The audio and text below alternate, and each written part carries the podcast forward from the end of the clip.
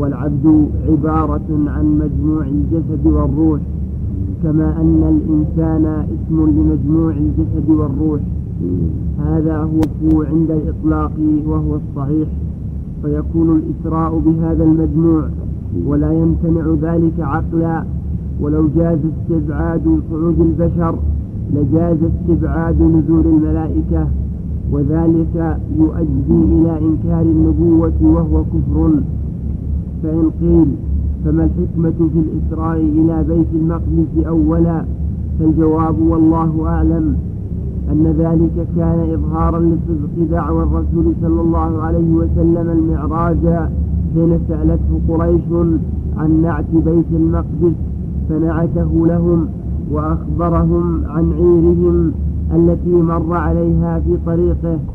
ولو كان عروجه إلى السماء من مكة لما حصل ذلك إذ لا يمكن إطلاعهم على ما في السماء لو أخبرهم عنه وقد اطلعوا على بيت المقدس فأخبرهم بنعته. وفي حديث المعراج دليل على ثبوت صفة العلو لله تعالى من وجوه لمن تدبره وبالله التوفيق. قوله والحوض الذي أكرمه الله تعالى غياثا لأمته حق. الأحاديث الواردة في ذكر الحوض تبلغ حد التواتر. رواها من الصحابة بضع وثلاثون صحابيا ولقد ولقد استقصى طرقها شيخنا الشيخ عماد الدين بن كثير تغمده, تغمده الله برحمته في آخر تاريخه الكبير المسمى بالبداية والنهاية. فمنها ما رواه البخاري. وهو كما قال فإن, فإن الحافظ ابن رحمه الله عني بها وذكرها في النهاية. وذكر نحو ثلاثين حديثا أو أحد وثلاثين حديثا الموضوع كلها تتعلق بالحوض. حوض النبي عليه الصلاة والسلام. نعم. ذكر جملة كثيرة في هذا الباب. نعم. ذكر الرؤيا وعني بأحاديثها. أيضا نعم. فمنها ما رواه البخاري رحمه الله تعالى عن أنس بن مالك رضي الله عنه أن رسول الله صلى الله عليه وسلم قال إن قدر حوضي كما بين ايليا إلى صنعاء كما بين أيلة إلى صنعاء من اليمن وإن فيه من الأباريق كعدد نجوم السماء. وعنه أيضا عن النبي صلى الله عليه وسلم قال ليردن علي ناس من أصحابي حتى إذا عرفتهم اختلجوا دوني فأقول أصحابي فيقول لا تدري ما ما أحدث بعدك رواه مسلم.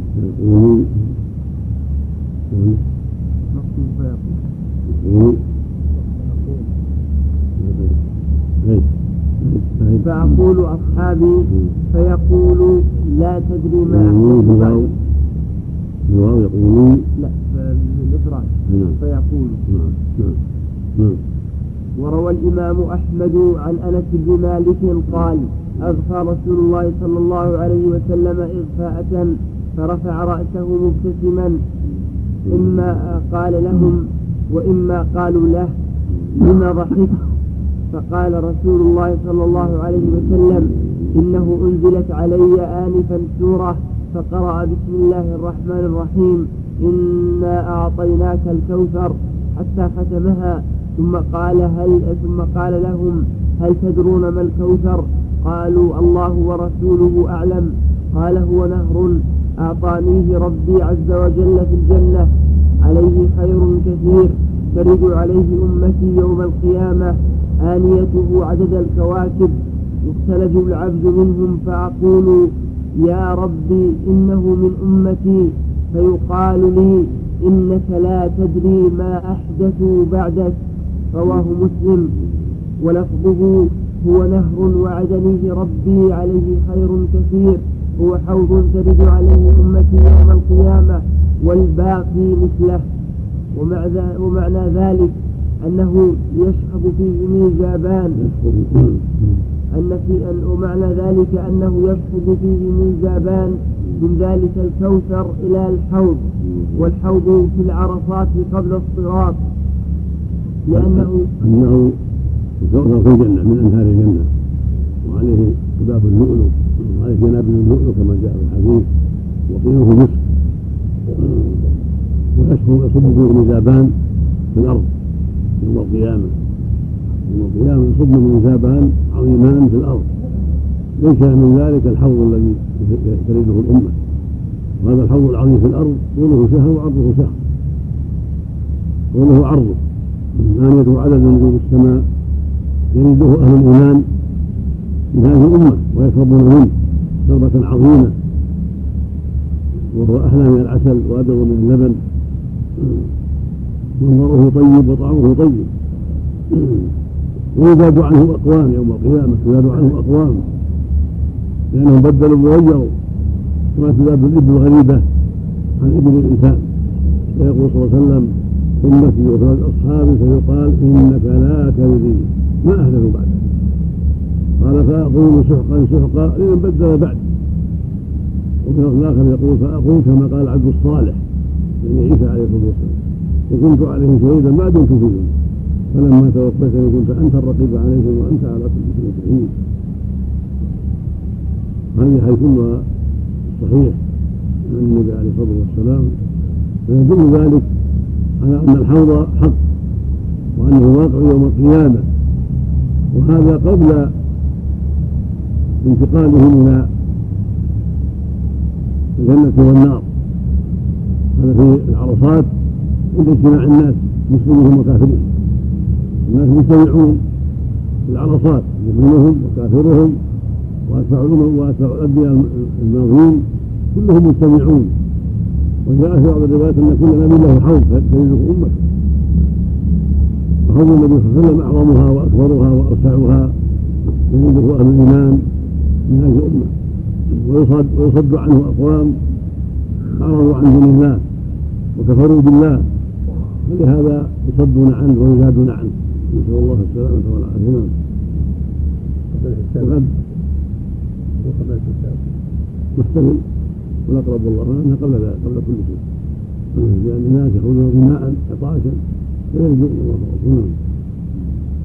نعم.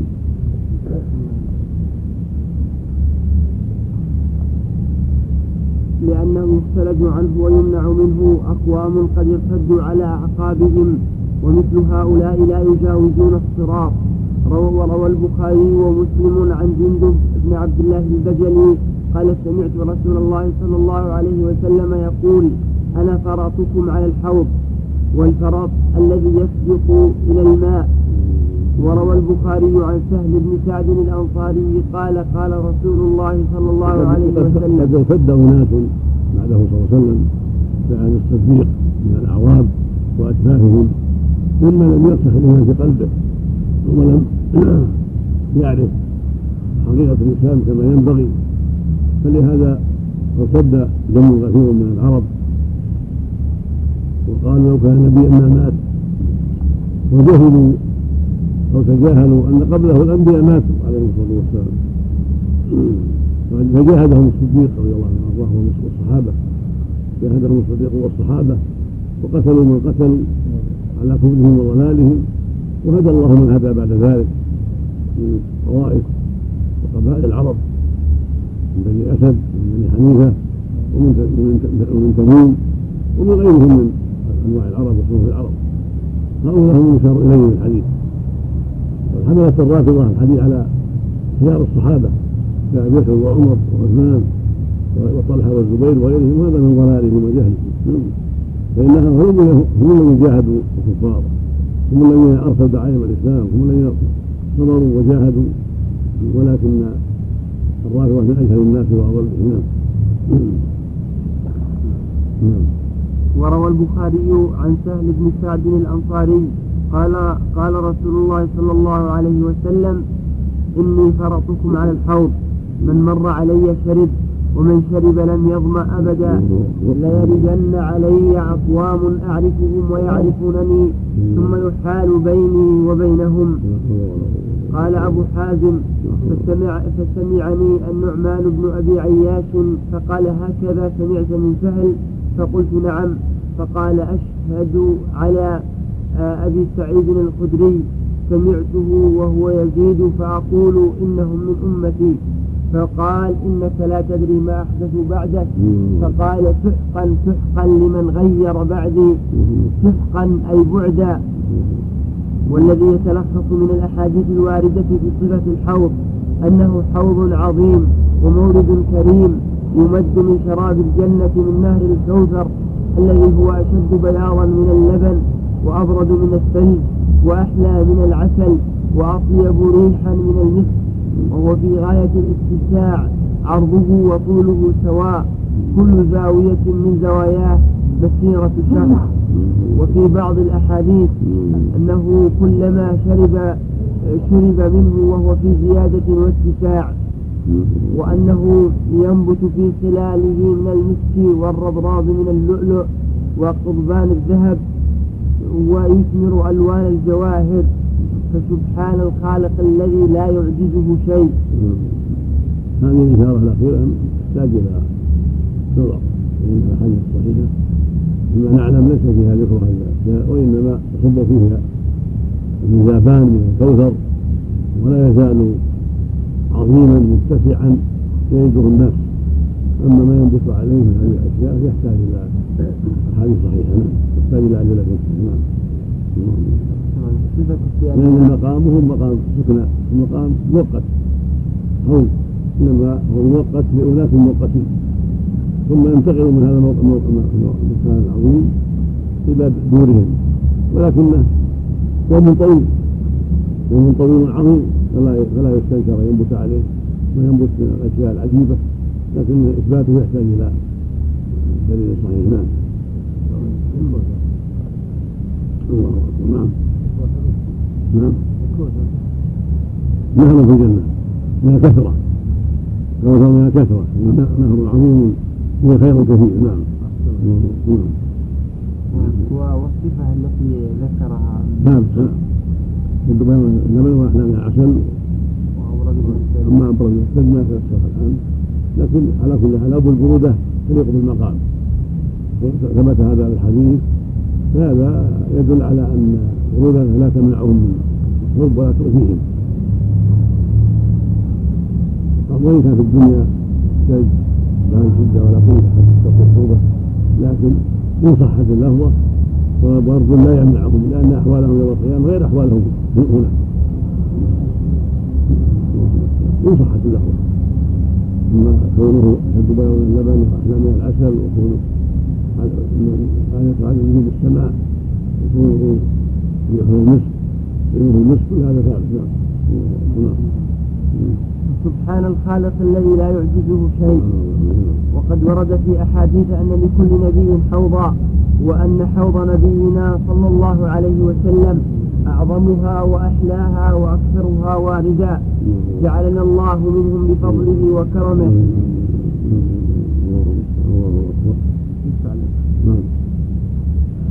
بعد جعلها جعلنا الله منهم قال حسن أخرجه الترمذي. وقال غريب ثم ذكر أنه ورد مرسلا وقال وهو أصح. ورواه الطبراني أيضا كما في المجمع. وقال فيه مروان بن جعفر السمري واسقه ابن أبي حاتم. وقال الأزدي يتكلمون فيه وبقية رجاله ثقات. ثم وجدت ما يقوي الحديث فخرجته في الصحيحة 1589 قال العلامة أبو عبد الله القرطبي رحمه الله في التذكرة. واختلف في الميزان والحوض. أيهما يكون قبل الآخر؟ فقيل الميزان وقيل الحوض. قال أبو الحسن القابسي والصحيح أن الحوض قبله. قال القرطبي والمعنى يقتضيه فإن الناس يخرجون عطاشا من قبورهم كما تقدم. فيقدم قبل الميزان والصراط. قال أبو حامد الغزالي رحمه الله في كتاب كشف علم الآخرة. حكي حكى بعض السلف من أهل التصنيف أن الحوض يورد بعد الصراط وهو غلط من قائله. قال القرطبي هو كما قال. ثم قال القرطبي ولا يخطر بذلك لا أن شك لا شك إنه قبل الصراط لا شك. يجوز كافر مسلم لكن لا يمنع أن هناك حوضا آخر بعد الصراط يريده المؤمنون.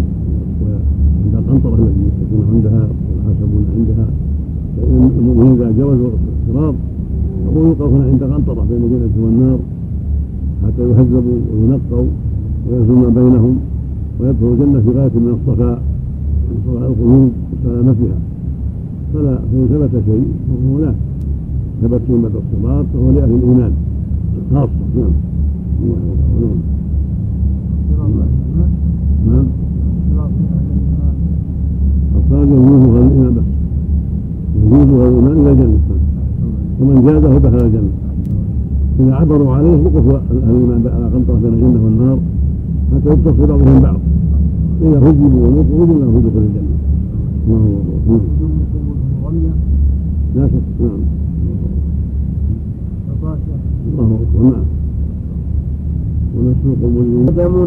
ولم يا أحد قط تظهر لنزول الجبار جل جلاله الأرض والسماوات نعم نعم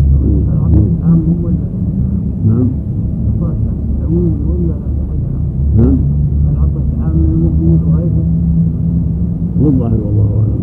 ولهذا ياتون إلى الحوض يستهين الماء نعم. نعم. انتهى. فقاتل الله المنكرين لوجود الحوض. وأخلق بهم أن وأخلق وأخلق. وأخلق بهم أن يحال بينهم وبين وروده يوم العطش الأكبر. نعم. نعم.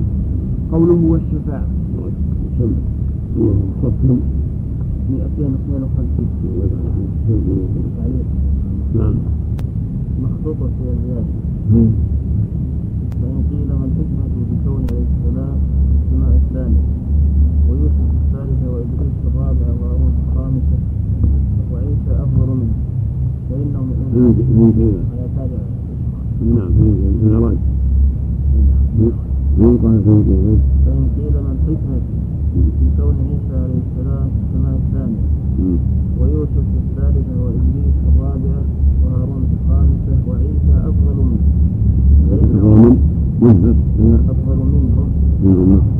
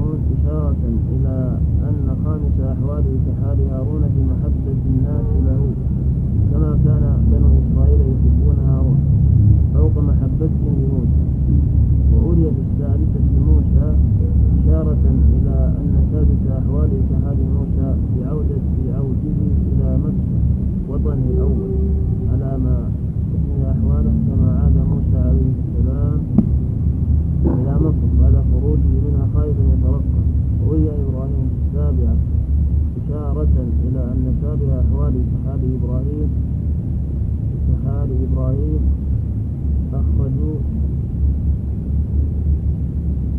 أخرجوا له من من أداء مناسك الحج وإحياء سنة أبي إبراهيم الخليل صلوات الله عليه وسلم أشار إلى هذا الجواب السهيلي رحمه الله تعالى هذا هذا التعليق هذا التعليق حرف محض لا دليل عليه فلا تعتقد قاله كان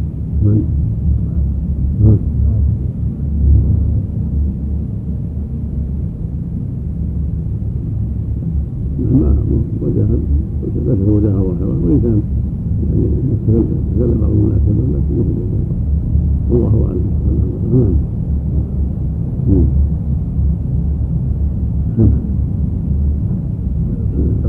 كان في التاريخ نعم كان في التاريخ نعم تذكره السهيلي يعني في تفسيره يعني كان في الروم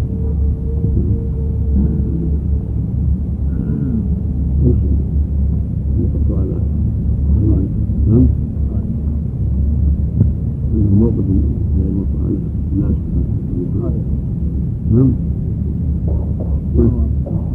الحمد لله رب العالمين صلى الله وسلم على نبينا محمد وعلى آله وصحبه أجمعين قال المؤلف رحمه الله تعالى.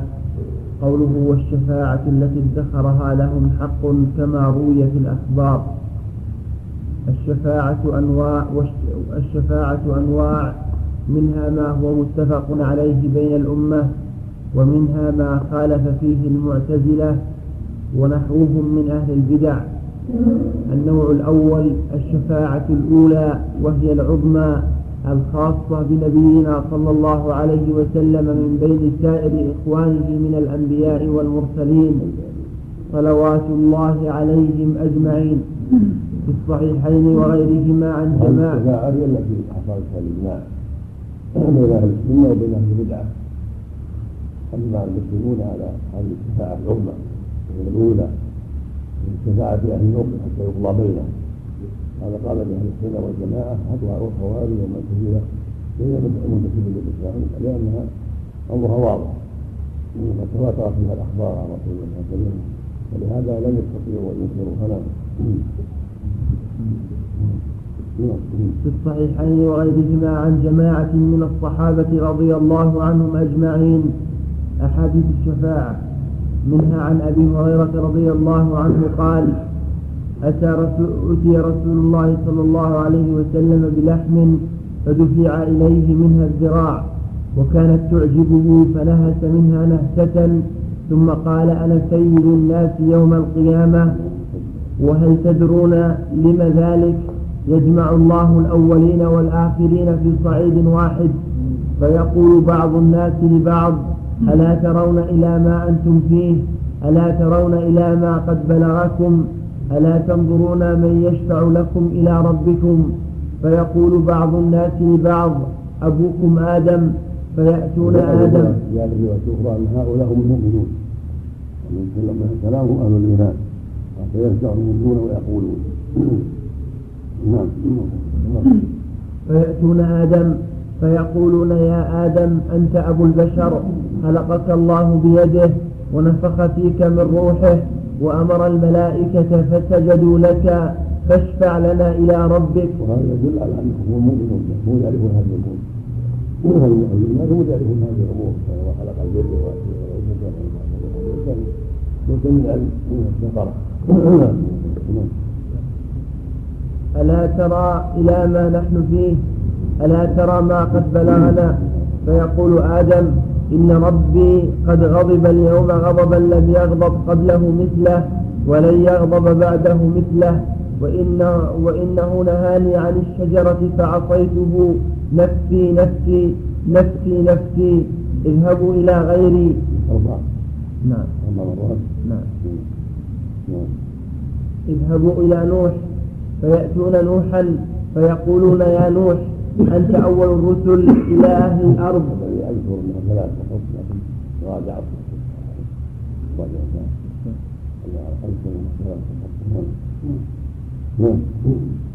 فيقولون يا نوح أنت أول الرسل إلى أهل الأرض وسماك الله عبدا شكورا.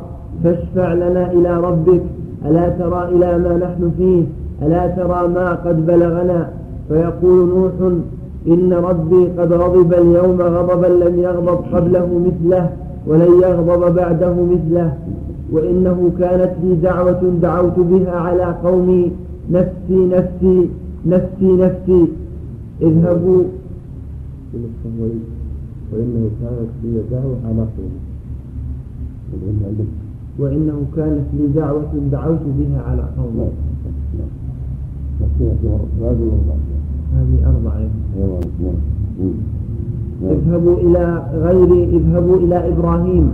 فيأتون إبراهيم فيقولون يا إبراهيم أنت نبي الله وخليله من أهل الأرض. ألا ترى إلى ما نحن فيه؟ ألا ترى ما قد بلغنا؟ فيقول إن ربي قد غضب اليوم غضبا لم يغضب قبله مثله ولن يغضب بعده مثله وذكر كذباته. كذباته. كذباته وإذا فعلت بمعنى فعلات فعل إذا كانت في ذكر بمعنى فعل جمرة وجمرات تمرة وثمرات كذبة وكذبات نعم. وذكر كذباته نفسي نفسي نفسي نفسي. اذهبوا إلى غيري. اذهبوا إلى موسى. فيأتون موسى فيقولون يا موسى أنت رسول الله. اصطفاك الله برسالاته وبتكليمه على الناس. اشفع لنا إلى ربك. ألا ترى ما نحن فيه؟ ألا ترى ما اصطفاك الله برسالاته وبتكليمه على الناس. اشفع لنا إلى ربك. ألا ترى ما نحن فيه؟ ألا ترى ما قد بلغنا ما قد بلغنا فيقول لهم موسى إن ربي قد غضب اليوم غضبا لم يغضب قبله مثله ولن يغضب بعده مثله وإني قتلت نفسا لم أؤمر بقتلها. نفسي نفسي نفسي نفسي. اذهبوا إلى غيري. اذهبوا إلى عيسى فيأتون عيسى فيقولون يا عيسى أنت رسول الله وكلمته ألقاها إلى مريم وروح منه. قال هكذا هو. وكلمت الناس قال هكذا هو وكلمت الناس في المهد فاشفع لنا إلى ربك ألا ترى إلى ما نحن فيه ألا ترى إلى ما قد بلغنا؟ فيقول لهم عيسى إن ربي قد غضب اليوم غضبا لم يغضب قبله مثله ولن يغضب بعده مثله ولم يذكر له ذنبا. اذهبوا إلى غيري اذهبوا إلى محمد صلى الله عليه وسلم. فيأتوني فيقولون يا محمد أنت رسول الله وخاتم الأنبياء. غفر الله لك ذنبك. ما تقدم منه وما تأخر. فاشفع لنا إلى ربك. ألا ترى إلى ما نحن فيه؟ ألا ترى ما قد بلغنا؟ فأقوم فآتي تحت العرش. فأقع ساجدا لربي عز وجل. ثم يفتح الله علي ويلزمني من محامده وحسن الثناء عليه شيئا لم يفتحه على أحد قبلي. فيقال يا محمد ارفع رأسك سل تعطه اشفع تشفع. فأقول يا ربي أمتي أمتي يا رب أمتي أمتي يا رب أمتي أمتي.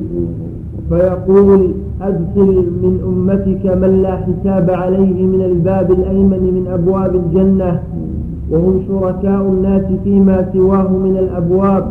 ثم قال والذي نفسي بيده لما بين مصراعين من مصاريع الجنة كما بين مكة وهجر أو كما بين مكة وبصرى. أخرجاه في الصحيحين.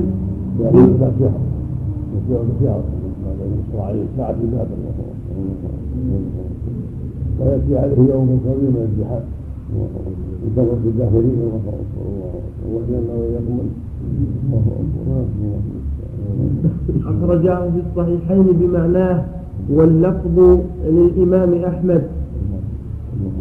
والعجب كل العجب من إيراد الأئمة لهذا الحديث من أكثر طرقه لا يذكرون أمر الشفاعة الأولى. في مأتي في مأتي الرب سبحانه وتعالى في مأتى الرب سبحانه وتعالى لفصل القضاء. كما ورد هذا في حديث السوق فإنه المقصود في هذا المقام ومقتضى سياق أول الحديث. فإن الناس إنما يستشفعون إلى آدم فمن بعده من الأنبياء في أن يفصل بين الناس ويستريح من مقامهم في أن يفصل بين الناس ويستريح من مقامهم كما دلت عليه سياقاته من سائر طرقه. فإذا وصلوا إلى الجزاء إنما يذكرون الشفاعة في عصاة الأمة وإخراج فإذا وصلوا إلى الجزاء إنما يذكرون الشفاعة في عصاة الأمة وإخراج كذلك الجزاء الجزاء نعم. نعم. في عصاة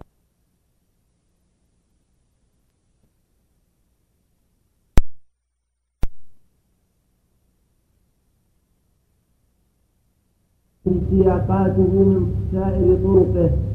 فإذا وصلوا إلى الجزاء إنما يذكرون الشفاعة في عصاة الأمة وإخراج فإذا وصلوا إلى الجزاء إنما يذكرون الشفاعة في في عصاة الأمة الجزاء الجزاء نعم نعم. في عصاة الأمة وإخراجهم من النار. وكان مقصود السلف في الاقتصار على هذا المقدار من الحديث هو الرد على الخوارج ومن تابعهم من المعتزلة الذين أنكروا خروج أحد من النار بعد دخولها ويذكرون هذا القدر من الحديث الذي فيه النص الصريح في الرد عليهم فيما ذهبوا إليه من البدعة المخالفة للأحاديث.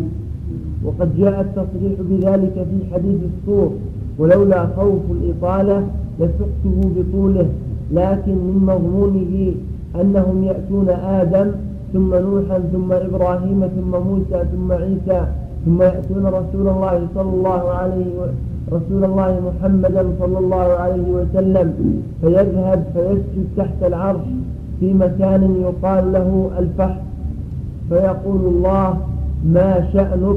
وهو أعلم. قال رسول الله صلى الله عليه وسلم فأقول يا ربي وعدتني الشفاعة فشفعني في خلقك فاقض بينهم. فيقول سبحانه وتعالى شفعتك أنا آتيكم فأقضي بينهم. قال فأرجع فأقف مع الناس ثم ذكر انشقاق السماوات وتنزل الملائكة في الغمام. ثم يجيء الرب سبحانه وتعالى لفصل القضاء والكروبيون والملائكة المقربون يسبحون بأنواع التسبيح. قال فيضع الله كرسيه حيث شاء من أرضه. ثم يقول إني أنصت لكم منذ خلقتكم لكم منذ خلقتكم إلى يوم إلى يومكم هذا. أسمع أقوالكم وأرى أعمالكم فأنصتوا إلي فإنما هي أعمالكم وصحفكم تقرأ عليكم. فمن وجد خيرا فليحمد الله ومن وجد غير ذلك فلا يلومن إلا نفسه. إلى أن قال فإذا أفضى أهل الجنة إلى الجنة قالوا من يشفع لنا إلى ربنا فندخل الجنة. فيقولون من أحق بذلك من أبيكم؟ إنه خلقه الله بيده ونفخ فيه من روحه وكلمه قبلا. فيأتون آدم فيطلبون ذلك إليه وذكر نوحا ثم إبراهيم ثم موسى ثم عيسى ثم محمدا صلى الله عليه وسلم إلى أن قال قال رسول الله صلى الله عليه وسلم فآت الجنة فآخذ بحلق بحلق بحلقة الباب ثم أستفتح فيفتح لي فأحيا ويرحب بي. فإذا دخلت الجنة فنظرت فإذا دخلت الجنة فنظرت إلى ربي عز وجل خررت له ساجدا فيأذن لي من حمده وتمجيده بشيء ما أذن به لأحد من خلقه. ثم يقول الله لي ارفع يا محمد واشفع تشفع وسل تعطى فإذا رفعت رأسي قال الله وهو أعلم ما شأنك فأقول يا رب وعدتني الشفاعة فشفعني في أهل الجنة يدخلون الجنة فيقول الله عز وجل قد شفعتك وأذنت لهم في دخول الجنة. الحديث رواه الأئمة ابن جرير في تفسيره والطبراني وأبو يعلى الموصلي والبيهقي وغيرهم حديث السوء هذا فيه ضعف عند أهل العلم لأنه رواية إسماعيل والرافع الأنصاري وضعيف عنده لكنه كأنه جمعه من روايات كثيرة إسماعيل والقصاص كان من القصاص لعله جمعه من روايات كثيرة فلا فلكثير منك واحد ومما المحفوظ ومما جاء فيه مسألة الشفاعة العظمى بالصراحة وجاء فيها أيضا ثلاث نفقات. في النصوص نفقتان نفقة الفزع والصعب والثالث نفقة البعث والنشور هذا ما في القرآن العظيم وفي الحديث الصحيح. نفقتان. يعني زاد القرآن في هذه السور نفقة ذلك. وزاد تكون الشفاعة العظمى وهو ليس بذلك ولا هنا باب فإن شفاعته أمتي أمتي أمتي لا يمنع أن يكون شفاعته أن لأن أمته وقضى بينهم معنى وقضى بين الناس لأنه أمة من الأمم.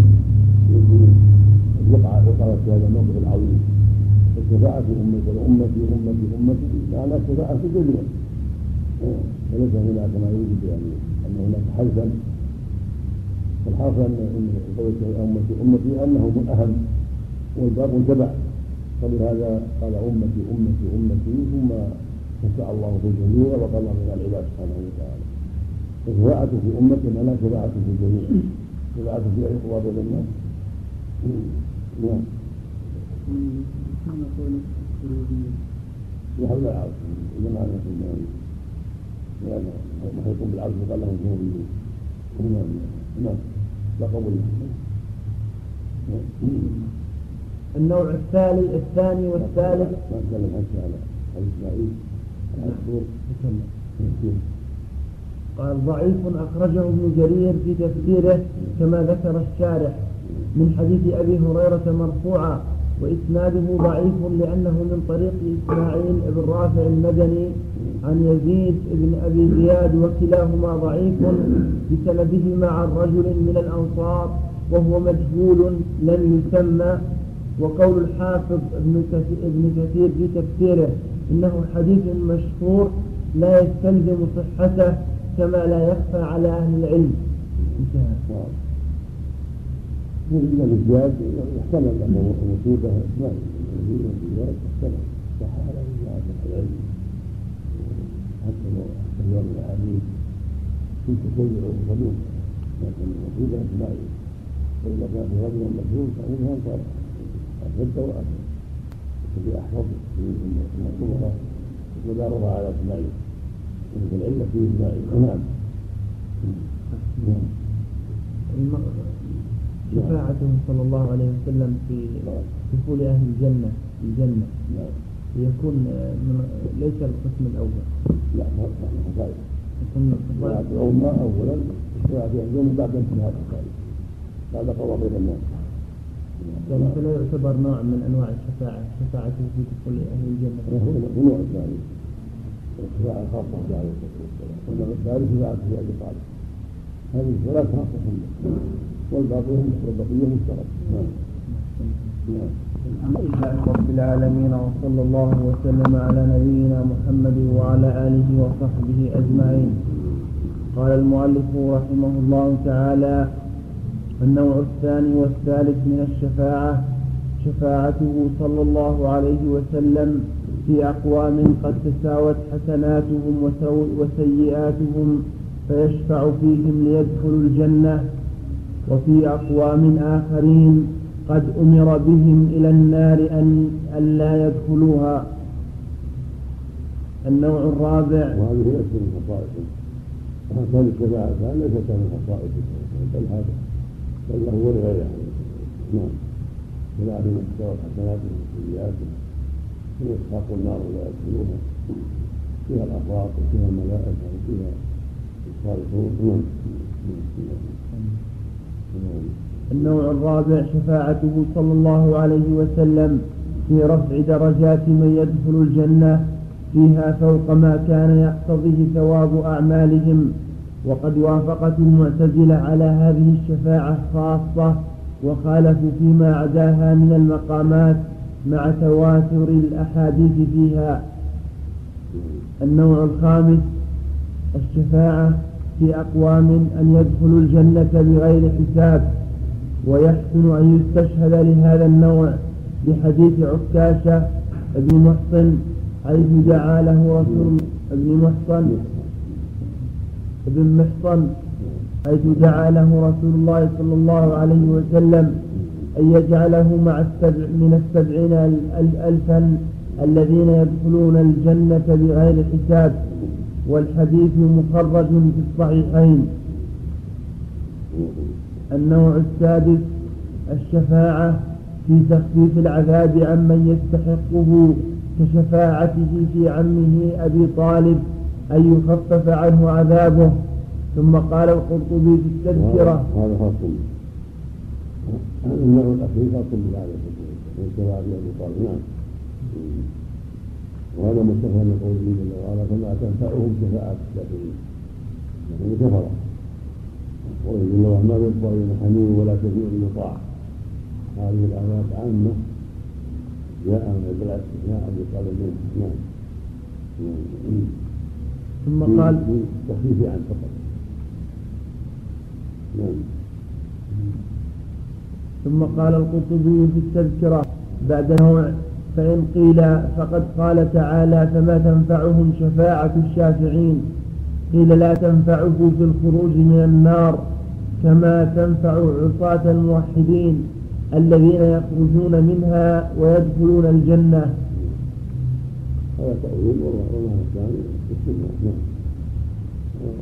وهذا المعنى له تنفعهم من نفع كامل لكن نفع خاص وهم نفع تخفيف وكانت عن كامل نعم. والوجه الثاني يكون بالاستثناء. بالاستثناء يعني من الآية الآية. آية فيها من ذات المعنى لا بالقول الحليم ولا كثير يطاع كما تنبغي في ذات وما أشبه النوع السابع شفاعته أن يؤذن لجميع المؤمنين في دخول الجنة كما تقدم. وفي صحيح مسلم عن أنس رضي الله عنه أن رسول الله صلى الله عليه وسلم قال أنا أول شفيع في الجنة. النوع الثامن. رواية مشهورة أنا أول شافع وأول مشفع. أنا أول شافع وأول مشفع. هذا أعم. لأن هو شافع. في شفاعة الأمة نعم النوع الثامن. شفاعته في أهل الكبائر من أمته ممن دخل النار فيخرجون منها وقد تواترت بهذا النوع الأحاديث وقد خفي علم ذلك على الخوارج والمعتزلة. وهذا أيضا ليس خاصا بل هو عام يشرع بهم الأنبياء والصالحون بذلك والصلوات نعم لكن يعتبر حظه منها نعم يقول حظه أكثر من حظ الأنبياء والصالحين هذا حظه من كل لا حظه من كل غير أكبر عليه الصلاة والسلام. يقول ليس خاصا بهم في حديث الصحيحين قال حج لحده ويخرجهم من النار. ثم حد ثم حد أربع مرات وقد خفي علم ذلك على الخوارج والمعتزلة فخالفوا في ذلك جهلا منهم بصحة الأحاديث وعنادا ممن علم ذلك واستمر على بدعته. وهذه الشفاعة ظنوا بتأكيد ظنوا بفعلهم من بلغهم الصالح بلغتهم الاحاديث يعني الاحاديث الصورة معروف وغيرها كبيره أولهم معلوم قول البخاري ولكن أتباعهم لم يزالوا إلى يومنا هذا. وقد بلغتهم الأحاديث. لكن ظنوا بجهلهم أنها تخالف القرآن. قالوا إن الله يقول في القرآن ويخرجهم الله اعمالا حصاد عليهم وهم بخارجين من النار. وقال لهم عذاب مقيم. هل يريدون يخرجوا من النار وهم بخارجين من ولهم عذاب مقيم. وظنوا أن هذه الآيات في العصاة هذا من جهل هذه الآيات في الكفار هم الذين يخرجون من النار وهم على عذاب مقيم. أما العصاة فالتواترت الاخبار لانهم مهما طال مسلم في النار فانهم لا يخلدون خلودا كاملا بل لابد من الخروج من النار. النصوص المتواتره حتى ولو أطلق على ما قلته الخلود مثل ما في قاتل المؤمن بغير حق. وكفى الله إلى عذاب الخلود وهو يقتل المتحكمين متعمدا فجزاؤه جهنم خالدا فيها وغضب الله عليه. قال في نفس نفسه إنه يعز في النار خالدا مخلدا فيها. هذا الخلود ليس هو خلود الكفار. وهو خلود خاص والعرب سمي الإقامة الطويلة خلود أقاموا كأخلده يطول سمي الإقامة الطويلة خلود وكلما عظم الذنب وشد قبحه صارت إقامة صاحب النار أكثر. ومعلوم أن قتل النفس بغير حق.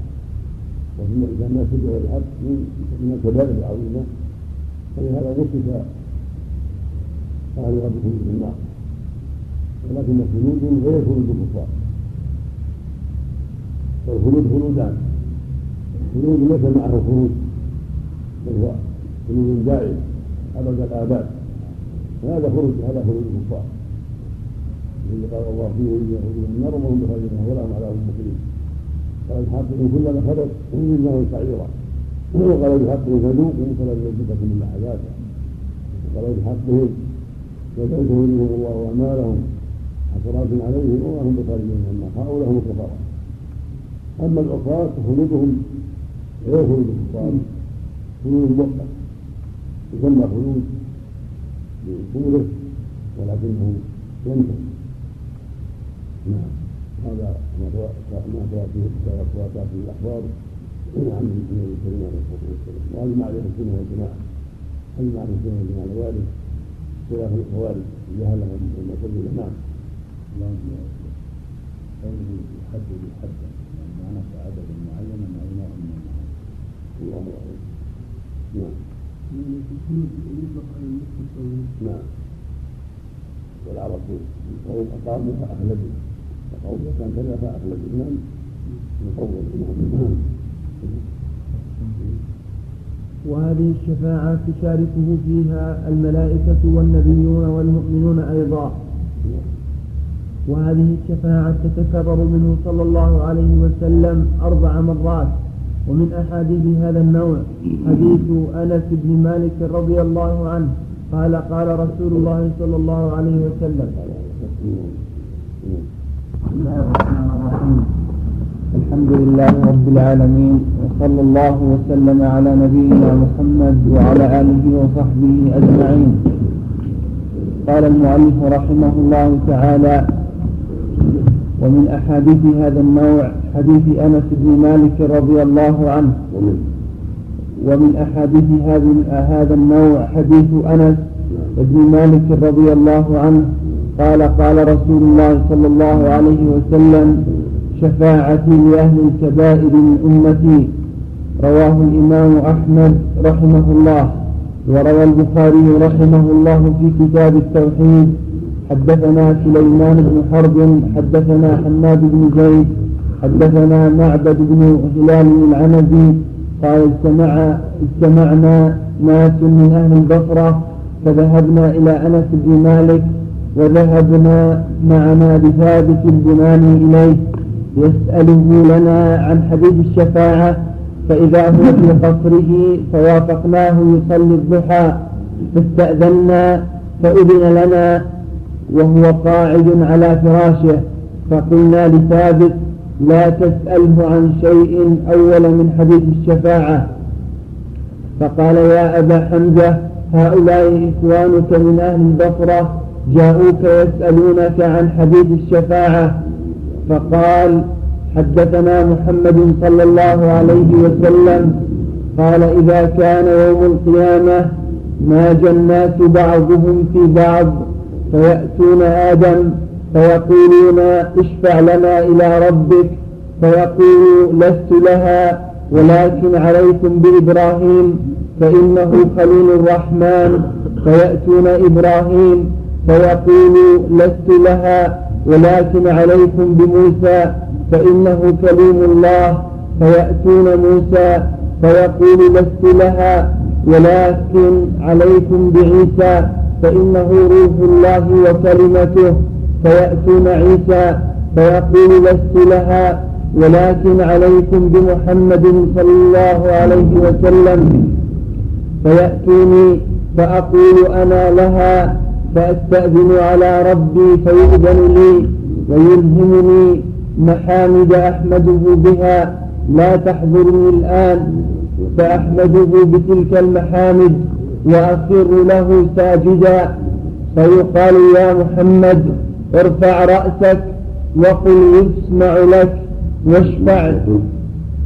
وقل يسمع لك وقل يسمع لك واشفع تشفع وسل تعطى فأقول يا رب أمتي أمتي. فيقال انطلق فأخرج منها من كان في قلبه مثقال شعيرة من إيمان. فأنطلق فأفعل ثم أعود فأحمده بتلك المحامد ثم أخر له ساجدا. فيقال يا محمد ارفع رأسك وقل يسمع لك واشفع تشفع وسل تعطى. فأقول يا رب أمتي أمتي. فيقال انطلق فأخرج منها من كان في قلبه مثقال ذرة أو خردلة من إيمان. فأنطلق فأفعل ثم أعود بتلك المحامد. ثم أخر له ساجدا فيقال يا محمد ارفع رأسك وقل يسمع لك. وسل تعطى واشفع تشفع. فأقول يا ربي أمتي أمتي. فيقول انطلق فأخرج من كان في قلبه أدنى أدنى مثقال حبة من خردل من إيمان. فأخرجه من النار. فأنطلق فأفعل. قال فلما خرجنا من عند أنس قلت لبعض أصحابنا لو مررنا بالحسن وهو متوار في منزل أبي خليفة فحدثناه بما حدثنا به أنس بن مالك فأتيناه فسلمنا عليه فأذن لنا فقلنا له يا أبا سعيد جئناك من عند أخيك أنس بن مالك فلم نرى مثل ما حدثنا في الشفاعة فقال هيه فحدثناه بالحديث فانتهى إلى هذا الموضع فقال هيه فقلنا لم يزد لنا على هذا فقال لقد حدثني وهو جميع منذ عشرين سنة فما أدري أنسي أم كره أن تتكلوا. فقلنا يا أبا سعيد فحدثنا فضحك وقال خلق الإنسان عجولا. ما ذكرته إلا وأنا أريد أن أحدث ثم أقر له ساجدا فيقال يا محمد ارفع رأسك وقل يسمع وسل تعطه واشفع تشفع فأقول يا ربي ائذن لي في من قال لا إله إلا الله فيقول وعزتي وجلالي وكبريائي وعظمتي لأخرجن, لأخرجن منها من قال لا إله إلا الله. وهكذا رواه مسلم وروى الحافظ أبو يعلى. وهو جميع حدثني وهو جميع يعني هو مستقيم القوى قبل شدة الشيخوخة لأنه رضي الله عنه عاش إلى مئة سنة. وسنتين أو ثلاث. وكان من معبد بن هلال وأصحابه. في اخر حياته رضي الله عنه وارضاه وهذه أربع شفاعات يحب الله له في الحد حده الأول بالشعيرة.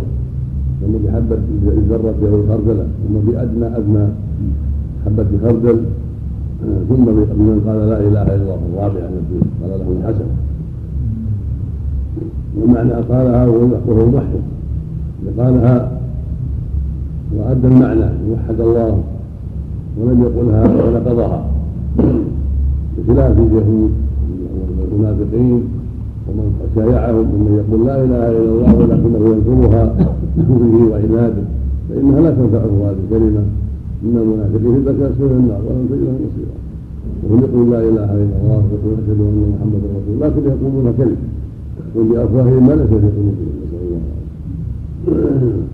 وفي هذه وهذا في هذا الحديث مع حديث احمد دلالة على أنه يشفع في أهل الكبائر.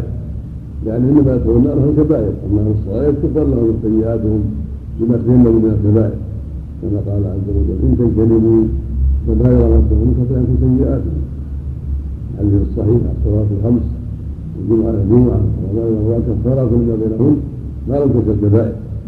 ودل ذلك على أن يدخل النار هم أهل الكبائر والنبي يشفع فيهم كل شفاعاته ولو العظمى في الموقف ولو الشفاعة في حتى يدخلوها ولو الشفاعة في من استحق النار لا يدخلها ولو الشفاعة الكبرى السابقة الشفاعة في أبي طالب التخفيف وله هذه الشفاعة في أهل الكبائر. وشفاعة في الكبائر الشفاعة التي فيها إخراجهم من النار. بخلاف أهل الإيمان والتوحيد والسلامة فإن توحيدهم وإيمانهم وصلاتهم من الكبائر تغنيهم عن الشفاعة في دخول الجنة استحقاق الجنة وإن كانوا مع أهل الشفاعة في الإذن في الدخول وفيها وفيه من الفوائد أيضا أن الإيمان قد ينقص ويتضاعف حتى يكون أقل من شعيرة وأقل من خردلة وأقل من ذرة في القلب بضعفه ولهذا يدخل النار صاحبه بسبب تعاطيه الكبائر من الزنا السرقه والربا شرب الخمور وأشبه هذا من الكبائر التي يضعف الايمان حتى لا يقوى صاحبه على الامتناع منها. بل شهوته تغلبه على على اقتراف هذه الكبائر تضاعف الإيمان الرادع ثم هذه الشفاعه لا تخصه عليه الصلاة والسلام لو يشارك فيها غيره يعني الإيمان من الملائكة من الافراد من الرسل الآخرين نعم.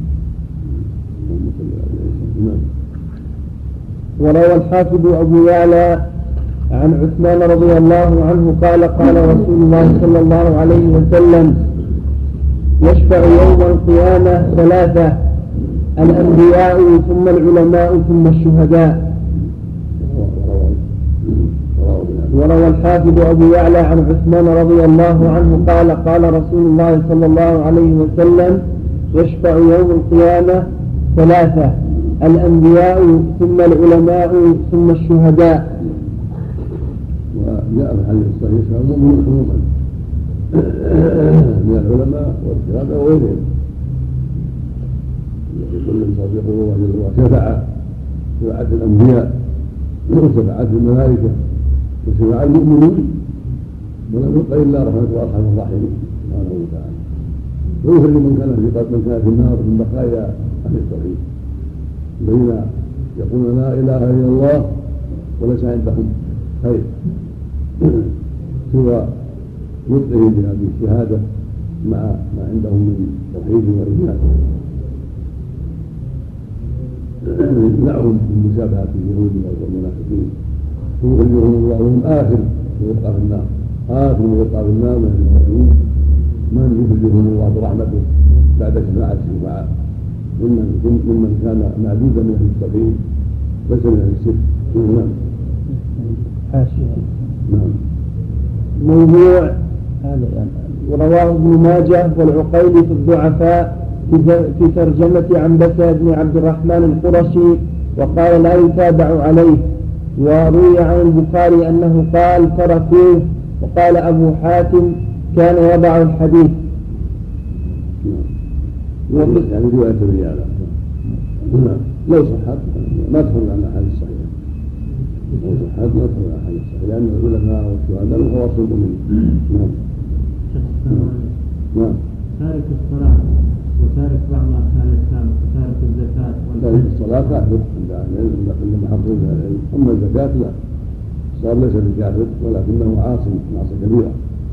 ولهذا يعاقب يوم القيامة ثم لا سبيل له إما الجنة وإما إلى النار والصيام كذلك والحج كذلك إنه خلاف كبير في الصلاة. ذهب أكثر من أهل العلم على التحقيق على كفره إلى كفر الدين إلى حديث الصحيح وذلك وإن لم يجحد وجوبها أما إذا جحد وجوبها فهو كافر عند الجميع. وقال آخرون إذا لم يجحد وجوبها يكون كفره كفرا دون كفر. وهو مشهور من ذهب الأئمة الثلاث مالك وأبي حنيفة والشافعي مشهور من أهل أنه كافر كفرا دون كفر. صلى عليه ويقصر ولا كافر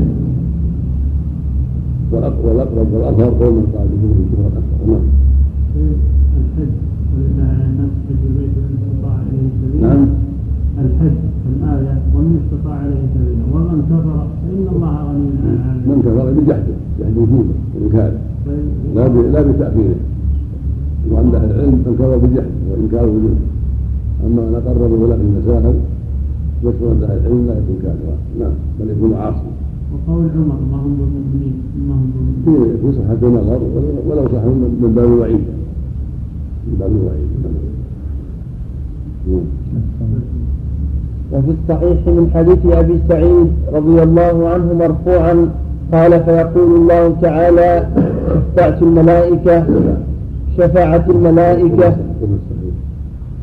وفي الصحيح من حديث أبي سعيد رضي الله عنه مرفوعا قال فيقول الله تعالى شفعت الملائكة وشفع النبيون وشفع المؤمنون ولم يبقى إلا أرحم الراحمين فيقبض قبضة من النار فيخرج منها قوما لم يعملوا خيرا قط.